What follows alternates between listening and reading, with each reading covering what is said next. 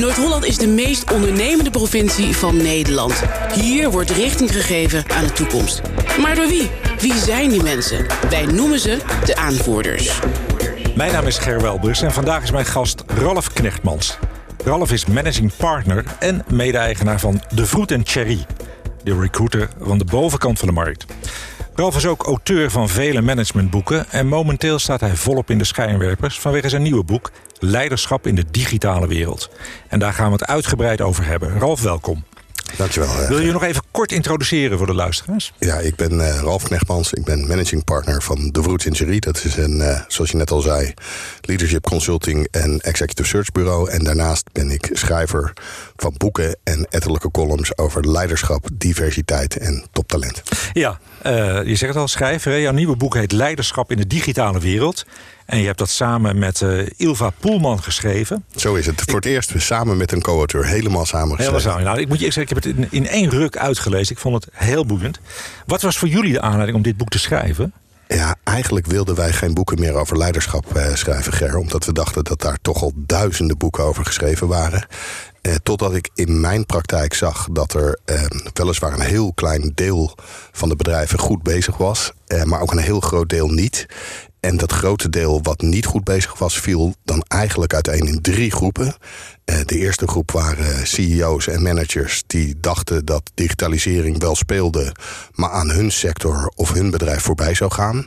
Dus die dachten het zal mijn tijd wel duren. De tweede categorie uh, waren er uh, echt van overtuigd dat digitalisering eh, voor de deur stond, maar worstelde met de vraag: hoe moet ik dat dan incorporeren in mijn bedrijf? Hoe moet ik innoveren? En de derde categorie eh, was grofweg van de school: als ik nou een hele goede Chief Digital Officer of een hele goede CIO aanstel, dan kan ik gewoon weer mijn werk gaan doen en Ja. overgaan tot de orde van de dag. Ja, ik, ik snap wat je bedoelt. Wat versta jij overigens onder digitalisering? Ja, eigenlijk is digitalisering een nieuw woord voor automatisering. Het komt af van het Latijnse woord digitus, wat betekent eh, eh, vingers tellen, eh, met je vingers tellen. Eh, Eigenlijk is het het overzetten van analoge gegevens op eh, gegevens die de computer kan bewerken. Dus foto, geluid, beeld, dat soort dingen. Eh, maar omdat eh, hardware vele malen krachtiger en kleiner geworden is. en software slimmer, capabeler en sneller. Eh, is er eigenlijk gewoon een nieuw woord voor automatisering nodig. En dat is digitalisering. Digitalisering. Mensen maken het zo ingewikkeld, maar dat is het niet. Dat is het niet. Maar, maar denken jij en Ilva daar hetzelfde over? Nou, waar wij niet hetzelfde over dachten, is ik ben, eh, als ik een boek ga schrijven, altijd eh, geneigd om heel veel research te doen. En bij het schrijven van mijn vorige boek over eh, agile talent, eh, ben ik me wezenloos geschrokken van de snelheid van die eh, ontwikkelingen. Terwijl Ilva twintig jaar geleden al directeur van een ICT-bedrijf geweest is en zoiets had van, eh, de, heb je niet opgelet? Je zag toch dat het eraan kwam. Dus we kwamen eigenlijk vanuit tegengestelde richting en dat maakte het tot een hele spann- spannende reis of zoektocht voor ons. Ja, hadden jullie dan nog een bepaalde rolverdeling bij het boek? Nou ja, kijk, wij hebben het echt samen geschreven. Maar, maar Ilva is natuurlijk iets meer van eh, digitalisering en iets meer, eh, ik iets meer van leiderschap. Dat gezegd hebben, daar hebben we ons eh, beide ook met die andere onderwerpen bemoeid van, bemoeid van elkaar. Ja. Ja, nou je schrijft dat er eigenlijk drie belangrijke thema's zijn waarvan veel leiders denken dat ze er iets mee moeten. Dat is artificial intelligence, blockchain en big data. En ook wel het rekenen met qubits. Ik vind overigens dat je in je boek eh, ehm, blockchain fantastisch mooi hebt uitgelegd. In, Dankjewel. in één A4'tje. Dat is echt een aanrader voor iedereen die niet precies snapt hoe dat eh, nou technisch in elkaar eh, steekt. Dus heel begrijpelijk geschreven. En, maar wat is nou juist de reden dat leiders over, over deze thema's nadenken? Of, of van wakker liggen? Nou ja, we kwamen tegen dat ze veel met deze thema's geconfronteerd worden. En eigenlijk in veel gevallen niet goed begrepen wat het was, Ger. En soms begonnen ze dan toch maar een project rondom een van deze thema's. Ja, en als je het niet goed begrijpt, dan moet je überhaupt niet aan een project beginnen. Dus het begint bij de basis. En ik vind het heel leuk dat je zegt het is toegankelijk geschreven. Want een van de eigenschappen van nieuwe leiders is reduceren van complexiteit. Dus als je het Ja. dan heel moeilijk maakt, dan sla je de plank mis. Maar omdat die leiders daar dus mee worstelden, vonden we dat we eerst gewoon beginnen bij de basis. Dit zijn de thema's waar ze heel veel mee geconfronteerd worden in, die nieuwe, in dat nieuwe tijdperk. En daar vonden we dat we dat heel goed moesten uitleggen in begrijpelijk Nederlands. Ja, je zegt veel leiders zijn zich ook helemaal niet bewust van de consequenties van de, van de eh, eh, digitalisering voor hun organisatie. Wat bij mij dan onmiddellijk opkomt, is dat ik denk van ja, ben je dan niet eigenlijk te oud als je dat nu nog niet Als je daar nog niet bewust van bent? eigenlijk is dat niet alleen een kwestie van leeftijd. Kijk, het is natuurlijk wel zo dat de mensen van een bepaalde leeftijd, dat zijn zoals wij het noemen in eh, ons boek geen digital natives, maar digital immigrants. Ja. Met, in gewoon Nederlands. Ze zijn niet opgegroeid in dat tijdperk, net als jij en ik overigens. Ja. Um, en ja, hoe ze dan vervolgens ermee omgaan, dat, dat is verschillend. Want ze hebben altijd wel veranderingen op zich af zien komen. Alleen deze keer gaan die veranderingen twee keer zo snel. Ze zijn niet langer lineair, maar exponentieel. Dus in simpel gezegd verdubbelen ze in omvang, in snelheid. En er staat een voorbeeld in het boek van uh, een Chinese heerser... die een cadeau gaf aan iemand die iets fantastisch voor hem gedaan had. En die zei, ik wil alleen maar één rijstkorrel op elk uh, vlak van het schaakbord... maar dan wel exponentieel vermenigvuldigd. Waarop die heerser zei van wat een ongelooflijk uh, bescheiden cadeau... en zich niet beseffende dat je met die rijstkorrels twee keer de aarde rond kan. En dat gebeurt er als iets exponentieel in snelheid... ja, dus hij begon met één rijst korrel op uh, vlakje 1. Hè. Schaak wordt er 64 vlakken. Ja. Op vlakje 2 en steeds... Ja, ja, ja, en, uiteindelijk... Gaat waanzinnig hard. Ja. Ja, ja dat, is, dat onderschat je dus, hè, die snelheid waarmee dat, heeft, uh, dat, dat Die voorbeelden kwamen overigens van Ilva. Daar komt de beta uh, om de hoek kijken. Ja. Natuurkunde en sterrenkunde gestudeerd. En mind you, allebei. En uh, ik vind dat zij dat heel toegankelijk en simpel heeft uitgelegd. En op die manier gaat het leven voor je. Ja, ook even de, de, de credits naar haar toe. Want zij heeft een foto ook, of een tekening in het boek staan. Dat, dat, dat vogels bestudeerd zijn hoe zij vliegen. Ja. Dat ze de, de wingtips, de puntjes van de, van de vleugels eigenlijk omhoog hebben staan. En dat heeft de luchtvaartindustrie ook. Ja, zij, heeft, zij heeft een boek geschreven voor de natuur als uitvinder. Wat ik echt iedereen kan aanraden. Waar ze uitlegt dat eigenlijk alles wat wij bedenken met een team van topingenieurs. is door die natuur al lang bedacht. En guess what? Door die 4 miljard jaar dat het in bedrijf is, vele malen beter. Ja. Ja, alle kinderziekten zijn eruit. Hè? Zo is het. Ja. Je schrijft ook over uh, de concurrentie komt nu van invasieve exoten. Ja. Wat bedoel je daar precies mee? Ja, die term komt uit uh, biologie. Hè. Je ziet dat door menselijk toedoen en soms door de natuur nieuwe soorten in een bepaald gebied uh, uh, komen. Bij ons in, in, hier in de buurt, ik woon hier om de hoek in Amstelveen, zijn dat van die rivierkreefjes ja. die hier helemaal Zo. niet voorkomen. Die ook ja. helemaal geen natuurlijke vijanden hebben. Maar wij doelen met die metafoor natuurlijk op toetreders uit volstrekt onverwachte hoek. In de auto-industrie kun je bijvoorbeeld denken aan Tesla, hadden nog nooit een auto gemaakt. En BMW, Audi en dat soort merken naar elkaar, maar niet naar een volstrekt nieuwe toetreder. Mm -hmm. En dat fenomeen zul je steeds vaker in die digitale wereld zien. Hè. De, de, we gaan het straks denk ik ook over die banken hebben. Die hebben concurrentie gekregen van fintech uit volstrekt onverwachte hoek. Ja, en hoe moet je daarmee omgaan als... Uh als leider, als ondernemer, als onderneming? Nou ja, door als een soort van paranoïde stoktaartje voortdurend naar buiten te kijken. En, en je kunt je niet langer eh, permitteren om alleen maar naar binnen te kijken. En vroeger moest je als leider, eh, Ger, zorgen dat je bedrijf beter, efficiënter en winstgevender werd. Maar tegenwoordig in die nieuwe tijd moet je tegelijkertijd ook nog innoveren. En dat ja. betekent dat je voortdurend naar buiten moet kijken. Wat speelt daar? Welke ontwikkelingen zijn er? En hoe kan ik een cultuur creëren waar innovatie bovenaan de agenda staat? Elke dag. Niet eenmalig, maar continu. Continu, hè? Iedere dag uh, is, is weer day one. Hè? Dat zei de, de topman van Amazon, zei dat? Zo is het. Ja. En het is echt zo. Ja. Dat geloof ik. Nou, heb je dat boek geschreven? Nou werk jij ook op het vakgebied wij, wij, van uh, heel jullie. Niks, het boek geschreven, ja. En jij werkt bij de Executive Search, op dat vakterrein, op dat ja. vakgebied. Ja. Als je dat boek schrijft, dan denk je ook na over je eigen activiteiten. Zo is het. Ondernemen. Wat, wat voor invloed heeft dat op jou? Nou ja, ik zag dat uh, als je kijkt naar, naar recruitment, er zijn er drie segmenten. De onderkant wordt al behoorlijk geraakt door uh, innovatie en digitalisering. Dat noemen we ook echt recruitment, hè? Ja, dat is die onderkant. Ja, dan ja. heb je het middensegment, dat loopt tot zeg maar nou, indicatief salaris tot 50.000 euro. Dat wordt voor de helft geraakt. En guess what? Het chique segment waar ik dan in werk, dat werd uh, eigenlijk nauwelijks geraakt. Dat heeft niet uitgeblonken door vernieuwing. Dat was altijd vrij traditioneel. Dat kwam mede omdat er in dat segment goed geld verdiend wordt. En dat zet mensen gemiddeld genomen niet aan om heel snel te innoveren. Ja. En, uh, maar dat betekent dat er allerlei ontwikkelingen wel aankomen. Dus we hebben twee hoofdstukken geschreven over sectoren. Eén over executive search en recruitment. Omdat het een sector is die heel traditioneel is. Wat komt daaraan? En één over banken. Want in tegenstelling tot wat mensen denken... waren dat eigenlijk al vrij uh, innovatieve bedrijven... die in ieder geval op het vlak van automatisering al heel vroeg voorliepen. Ik weet niet of jullie eh, de Girotel nog kunnen herinneren. Ja. Met het vreselijke geluidje als je Ja. geld overmaakte. Maar die waren al heel vroeg met, met eh, digitalisering en automatisering bezig. En toch zijn ze geraakt door fintechs. Vandaar dat we dus die twee voorbeelden eh Mhm. Ja. eruit gepakt Even hebben. terug, terug naar je eigen vakgebied. Hè. Is, Ja. Zijn die veranderingen dan voor jou, als, zeker jullie zijn heel sterk in executive search, dus die bovenkant. Is het dan een bedreiging of is het een zegen? Nou, ik vind het een, echt een hele goede vraag. En het antwoord is eigenlijk allebei, maar dat moet ik uitleggen. Als je heel traditioneel in dat vak zit, is het een keiharde bedreiging. Want je kunt straks door allerlei algoritmes en tools...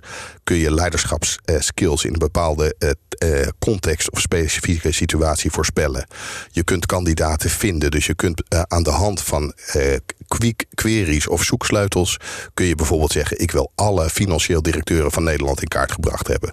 En dat kan die eh, computer op heel korte termijn al sneller en beter dan mensen. Als je vernieuwend wil zijn en je gaat ervan uit dat je zelf iets goed kunt, maar daarnaast eh, je, je beeld wil complementeren aan de hand van algoritmes en computers, dan is het fantastisch. Want de voorspellende waarde van succes van kandidaten gaat enorm omhoog. En je blijft dan altijd een soort van trait of tussenschakel tussen de eindklant en de kandidaat. Ja, ik vind dat fantastisch. Maar Ja. als je er heel traditioneel in zit, Ger, en je denkt zo hebben we het niet gedaan, dan is het een keiharde bedreiging. Ja, dus ook de essentie is eigenlijk weer hier van toepassing. Je moet mee veranderen. Je moet inspelen op die veranderende wereld. Ja, om Innovate, je- innovate or die. Dat is eigenlijk het principe een beetje. Als je niet innoveert, ga je eraan. En dan word je de volgende Kodak of Nokia. Ja. Je zei het net al even, je hebt ook gekozen voor de, voor de financiële wereld en de fintechs. En dat zijn de, de disruptieve toetreders op die markt. Ja, zo is fintechs. Waarom heb je speciaal voor die sector gekozen? Nou, omdat we vonden het heel leuk om één traditionele sector, helaas mijn eigen sector, en één vrij vernieuwende sector. En voor veel mensen hebben ze die connotatie niet, maar op het vlak van ICT lopen die banken wel degelijk al heel lang voorop. En toch. En dat vond ik heel illustratief. Werden zij ook aangevallen door fintechs. Dus je zou zeggen dat die traditionele eh, organisaties en sectoren. die worden snel aangevallen, want daar valt eer aan te behalen. Uh, maar niets is minder waar. Je ziet dat die sector van de, de financiële wereld. dat daar die fintechs volop uh, langs zij komen. en delen van die dienstverlening van die banken gewoon overnemen of bedreigen. Ja.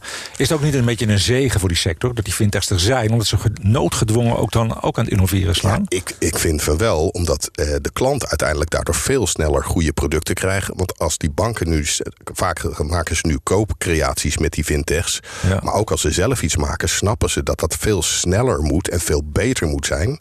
Als je als bank een app maakt die niet werkt of niet gebruiksvriendelijk is, dan gaat die consument gewoon naar de volgende bank toe. Ja, ja. Zo werkt het, hè? Zo werkt het ja. inmiddels.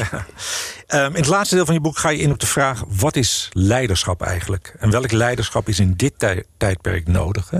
Ja. Eerst even, wat versta jij onder leiderschap? Ja, Ilva en ik hebben hier lang uh, op een, uh, op een uh, zondagmiddag in Groningen, want daar woont zij, uh, over gehad. En uiteindelijk is de definitie die wij samen gebrouwen hebben: is leiderschap is een sociaal dynamisch proces binnen een groep om gezamenlijk doel, uh, doelen te bereiken en adequaat het hoofd uh, te bieden aan de snelle veranderingen. Dat is het in essentie. Ja.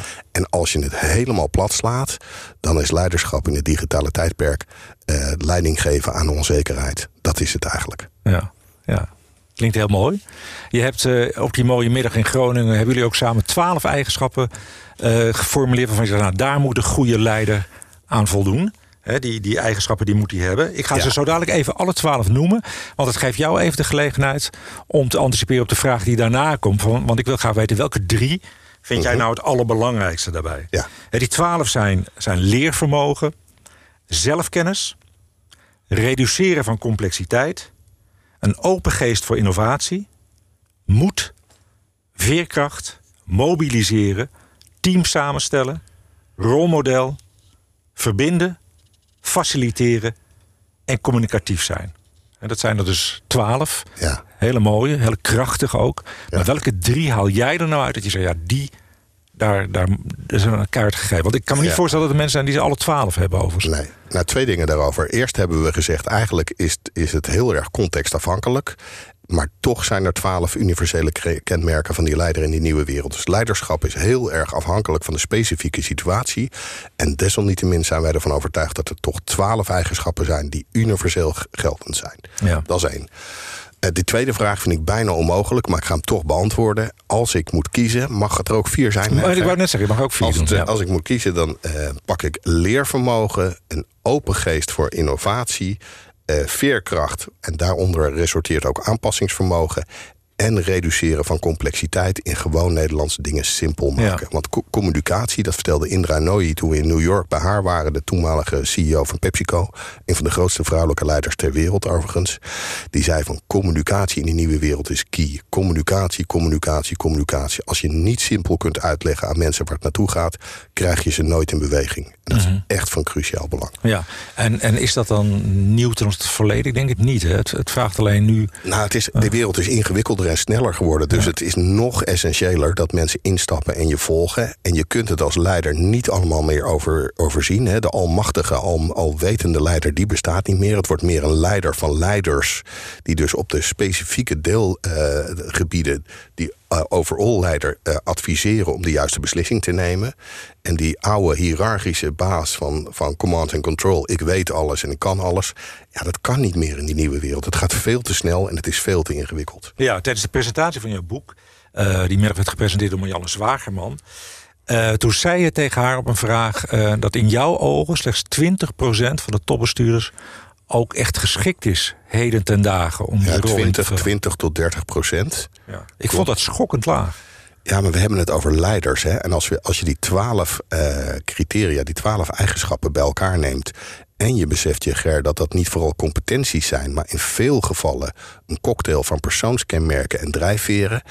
En, en, daarvan zijn psychologen het er wereldwijd over eens dat dat niet zo makkelijk aan te leren is. Ja, dan is eigenlijk nog vrij veel, 20 tot 30 procent, die dat echt allemaal kunnen. Ja. En uh, overigens is dat niet alleen onze opinie, maar ook de opinie van uh, leiderschapsexperts. we hebben onder andere Ronald Meijers van Deloitte uh, geïnterviewd. En wordt dit ook bevestigd door wetenschappelijk onderzoek, onder andere van Harvard. Dus het is niet alleen de, de opinie van Ralf Knechtmans en Ilva Poelman, maar het wordt ondersteund door andere experts en door wetenschappelijk onderzoek op dit vlak. Wat adviseer jij die 70, 80 procent die op dit moment eigenlijk niet geschikt is? Wat, wat adviseer je die om te doen? Om een baan te zoeken die echt bij ze past. Het, het probleem met leiderschap en eh, CEO's is dat op het familiefeest toch het meest geweldig klinkt om te roepen dat je de baas bent. Maar ja, als dat niet bij je past en je bent daar uh, notoir ongeschikt voor, dan kan je beter iets anders gaan doen. En daar is niks mis mee, vind ik. Mhm. Want het feit dat je niet geschikt bent als leider, wil helemaal niet zeggen dat je op een specialistisch deelgebied niet de aller, allerbeste ter wereld kunt zijn. Ja. En we hebben ons toch te lang generiek laten adviseren eh, op banen die, eh, nou, nogmaals, op het familiefeestje of in de maatschappij zo goed klinken. Terwijl ik denk, zo moet je niet kiezen. Vooral niet, Ger, omdat in de nieuwe wereld je uh, meerdere keren zult moeten bij- of helemaal omscholen. Omdat heel veel banen veranderen en straks niet meer bestaan. En dan komen er weer nieuwe banen en dan verandert het weer en dan komen er weer nieuwe banen. En dat betekent dat iedere, iedere man of vrouw in zijn carrière meerdere keren zich zal moeten bijscholen of zelfs zou moeten omscholen. En kies dan echt iets wat er bij je past, want anders hou je dat nooit vol. Een heel mooi bruggetje naar mijn volgende vraag. Want als ik kijk naar het, uh, het huidige onderwijssysteem, zoals we dat kennen houdt het überhaupt nog wel rekening met deze ontwikkelingen? Hoe zie jij dat? Nee, veel te weinig. Maar het is ook wel makkelijk. Onderwijssystemen lopen eigenlijk per definitie een beetje achter. Maar als je. Er zijn recentelijk filmpjes van Jack Ma van Alibaba, de tegenhanger, de Chinese tegenhanger van Amazon, om het simpel te zeggen. Die zeggen: ja, je moet kinderen hele andere dingen gaan leren. Alle die rijtjes leren en dat soort dingen. Dat heeft geen enkele zin meer.